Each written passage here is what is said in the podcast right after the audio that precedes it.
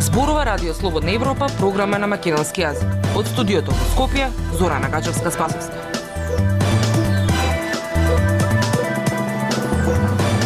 Почитувани, во денешната емисија на Радио Слободна Европа објавуваме Нема криза за македонските нафтени компании. За година за 4 пати го зголемиле профитот. Оваа зима БЕК нема да го топли Скопје. Регулатор на се уште го крчка тарифникот за струјата. Кој ги разбира, а кој не? Шегета на албанскиот премиер Еди Рама. Слушајте на. Независни вести и анализи за иднината на Македонија. на Радио Слободна Европа и слободнаевропа.мк. Трите најголеми нафтени компании во земјава за време на енергетската криза заработиле четири пати поголеми суми од предходната година, покажуваат финансиските извештаи. Трендот на заработка на милиони продолжува и годинава. Во овој бизнес се вклучени 27 компании, а најголемите три лани заработиле 45 милиони евра заедно. Со секојдневна промена на цените на горивата од Регулаторната комисија за енергетика, граѓаните за изминативе 9 дена плаќаа за најмалку 15 денари поска бензин по литар. Македонските компании кои продаваат гориво во изминативе 3 месеци во ек на сериозна нафтена криза, кога вртоглаво растеа цените на горивата, заработија милионски суми. Во овој бизнес, според последните податоци од Регулаторната комисија за енергетика, се вклучени 27 компании. Според податоците од клубот 200 на најуспешни и најголеми компании кои се занимаваат со трговија со гориво се Мак Петрол, Окта и Супертрет. Извештајот на регулаторната комисија покажува дека акционерското друштво Окта учествува со 69% од увозот на нафта. По него следува Супертрет со 11% од увозот, додека останатите помалку 20% отпаѓаат на другите 25 компании. Акционерското друштво Окта во првите три месеци од годинава заработило бруто добивка од 10,2 милиони евра, што е за 5,6 милиони евра повеќе од истиот период минатата година, односно скоро двојна. Оперативната добивка во првите три месеци од годинава изнесува речиси 7,9 милиони евра, што е за 5,2 милиони евра повеќе од истиот период минатата година. Според годишниот извештај, Окта заработила 18,9 милиони евра бруто добивка за разлика од 2020 кога во ек на пандемијата заработила 12,8 милиони евра бруто добивка. Од нафтените компании кои ги проверивме, само Окте на својата веб страна го објавила задолжителниот периодичен извештај од работата, додека на дел од нив можеше да се најде само годишниот финансиски извештај. Супер Трет игра значајна улога на домашниот и регионалниот пазар преку дистрибуција на над 100 милиони тони нафта и нафтени деривати во Македонија и соседството, а воедно е вториот најголем увозник на нафта и нафтени деривати во земјата. Е наведено на нивната веб страница, но нивните финансиски извештаи не се објавени на нивната веб страница. Според податоците од Централниот регистар, оваа компанија во завршната сметка за 2021 година навела дека незината нето добивка изнесува 3,2 милиони евра, што е речиси двојно повеќе од минатата година. Но тоа е податок само за една од трите фирми заведени под името Супертред во Централниот регистар кои се занимаваат со трговија на горива. Во однос на продажбата на нафтени деривати преку бензински пумпи, Мак Петрол е на прво место со на 40% удел на пазарот, покажуваат податоците за 2021 година на Регулаторната комисија за енергетика. Финансискиот извештај на Мак Петрол објавен на нивната веб страница покажува дека минатата година добивката на оваа компанија изнесувала над 22 милиони евра, што е 4 пати повеќе од предходната година. И покрај фактот што денес е значително променета собственичката структура во малопродажниот сектор, Мак Петрол поседува најголем број на бензински станици и тоа 126 час. Потоа следуваат Лукойл со 33 бензински станици, Окта со 27, додека преостанатите 186 бензински станици се во собственост на повеќе други домашни предпријатија. Во Македонија тековно работат околу 372 бензински пумпни станици, покажува извештајот за 2021 година на Регулаторната комисија за енергетика. Наши економски проблеми. Ние разговараме за решенија на Радио Слободна Европа. Регулаторната комисија за енергетика најави дека до крајот на месецов треба да има нов тарифник за струјата, како и нова цена за потрошувачите. Во меѓувреме, додека се крчкаат измените, од регулаторната најавија дека промени ќе има и кај парното, а сосема е извесно дека БЕК од октомври нема да ги топли Скопјани поради постапката за одземање на лиценцата. Деталите од Јасмина Јакимова. Регулаторната комисија за енергетика е во постапка на одземање на трите лиценци на БЕК, информираше денеска председателот на РКЕ, Марко Бислимовски, кој рече дека верува оти од октомври, оваа компанија повеќе нема да ги топли скопјани. Ваквата информација доаѓа од како БЕК пријави сериозни трошоци за изминатата година. Па на почетокот на 2022 државната ЕСМ го презаде управувањето и сопарното во Скопје. Бислимовски појасни дека во моментот кога ќе бидат одземени лиценците, владата е должна да распише тендер со кој што ќе треба да се најдат нови вршители на енергетската дејност. Уверуваше дека скопјани нема да останат без грејење, а државата нема да плаќа пенали кон БЕК. Од кога ќе се распише тој тендер, ќе се избере нов вршител на енергетска дејност до наименувањето на новиот вршител на енергетска дејност, постоечките компании на БЕК се обврзани да вршат дејност така да ќе нема никаков проблем, а сигурен сум дека тоа ќе се заврши многу пред почетокот на гре, грејната сезона. Од ДРК денеска го презентира и калкулаторот поставен на нивната веб страница, преку кој граѓаните ќе можат да проверат колку би изнесувале нивните сметки со воведувањето на новите четири тарифи за скапата струја. Од 1 јули ќе има и нови цени на струјата. Дел од компаниите веќе побарале големи поскапувања, како Евана, за која Бесклимовски откри дека побарала 80% поскапување во делот на дистрибуцијата. Пред да биде утврдена новата цена на струјата, ќе треба да се донесе новиот тарифник со четирите предложени тарифи, па заедно да почнат да важат од почетокот на следниот месец. Одрке најавуваат дека од следната недела ќе има дефиниран модел, при што појаснија дека размислуваат за зголемување на обсегот на тарифните модели во скапата струја. Професорот на факултетот за електротехника и информациски технологии Рубин Талески истакна дека со новите тарифи, ако се зголеми обсегот на блоковите, околу 87% од потрошувачите, односно 640.000 домаќинства, ќе имаат помали или исти сметки. Сепак додаде дека покачувањето на обсегот ќе повлече поскапување на ниската тарифа, односно на ефтината струја.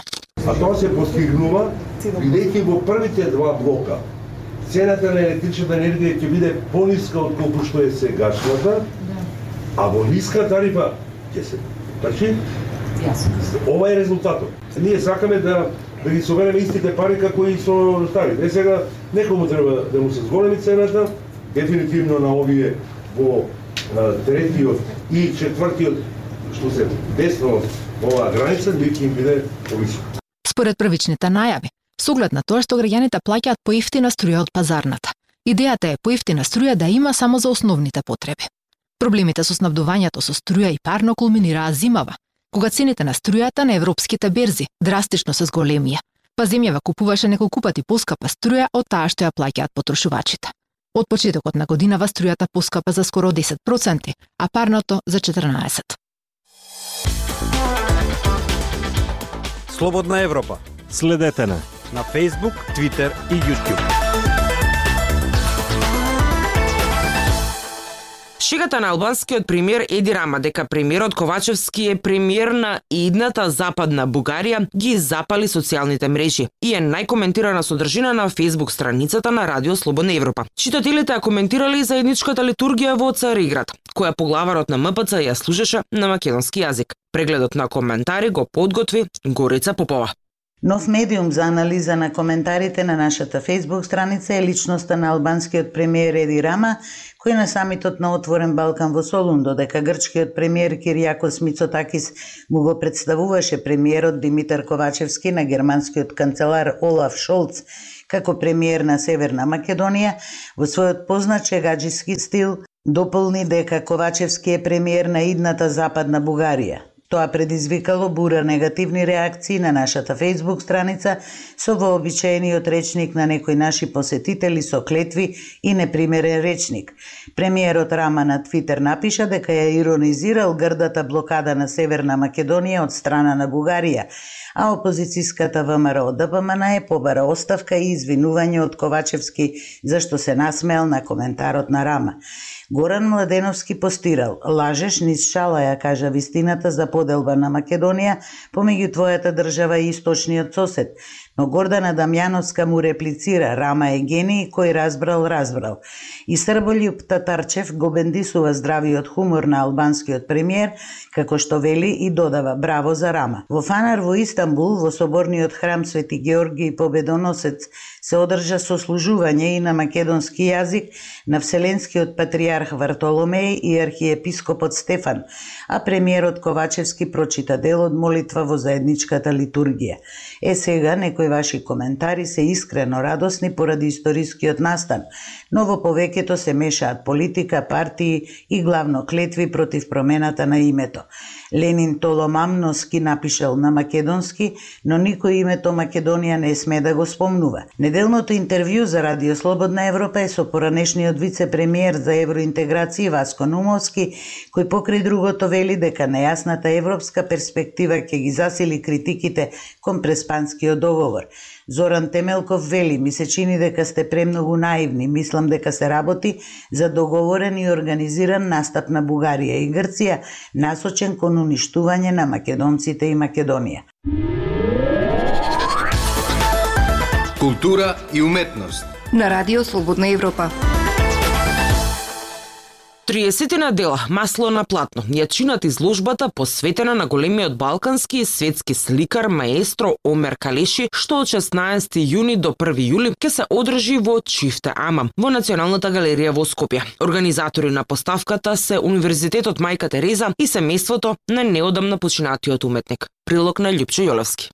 Јордан Плевнеш, прочениот писател и долгогодишен амбасадор на Република Македонија во Франција, на промоцијата на монографијата Главата на Омер Калеши во светското сликарство во септември 2012 година, во своето инспиративно обраќање до публиката и до целата овдешна културна јавност, ќе забележи дека ако не постоеше, тогаш Омер Калеши требаше да се измисли. Дека тоа е единствената трајна духовна вертикала што ја врзува балканската цивилизација. Ако не постоеше Омер Калеши, тој треба требаше да биде измислен, бидејќи тој во овие децении на големи турбуленции е единствената трајна духовна вертикала човек кој што ги бранеше достоинствата на убавината како компонента на балканската цивилизација. Во истата пригода, академик Луан Старова ќе забележи дека треба да се чувствуваме горди што во нашата земја изникна и се создаде еден таков смел човек што има силна функција да го обединува светот. А Калеши пак искрено среќен што на еден таков навистина достоинствен начин 50 годишнината од неговото творештво и 80 годишнината од животот се најдоа на листата на прослави на собранието на Република Македонија, а во пресрет на големата ретроспективна изложба, што подоцна во октомври се одржа во Дауд Паши Намам, ке рече дека тој едноставно му припаѓа на Балканот. Ја припаѓа и на македонците, и на албанците, и на турците, и затоа свите работи што правиме, правиме заедничко Тоа е соединување на тој начин, со работа уметничка, со изложби, со книги вака. Затоа со Јордана направивме ова книга и на турски, француски, и на албански, македонски направиме. Тоа е многу хубава работа. А по нецели 10 години и само два месеца по неговата смрт во април годинава, делото на Омер Калеши повторно ќе блесне со сета своја моќ во Национална галерија, овој пат во Чифтаамам. 30 на негови слики, масла на платно, меѓу кои и во 2012-та подарените чобани глава, ќе се најдат на изложбата што како организатори ја подпишуваат Универзитетот Мајка Тереза од Скопје и семејството на неодамна починатиот уметник, а кој е планирано да се одржи од 16 јуни до 1 јули. А кој е Омер Калеши, уметникот чии дела се изложени во голем број галерии на сите пет континенти и творецот кој со своето дело го обединува вечно разделениот Балкан. Калеш е роден во Кичевското село Србица во 1932 година од татко албанец и мајка македонка со муслиманско потекло. Македонскиот му е мајчин јазик. Се школувал во Скопје, студирал во Истанбул, Турција, а повеќе од 30 години живеел и работел во Париз, Франција. За големиот сликар е познато дека се одликува со космополитски дух. Во неговиот творечки опус до крајот на животот останува доследен на своите корени, при што главниот фокус е насочен кон човечкиот лик, нагласувајќи ја главата како символ на неговиот дух. Тој ни своето творештво обединува три балкански земји кои всушност се и негови татковини – Македонија, Албанија и Турција. Тоа беше се што ви подготвивме за оваа емисија. Со вас од студиото во Скопје беа Зора Нагажевска Спасовска и Дејан Балаовски. До слушање.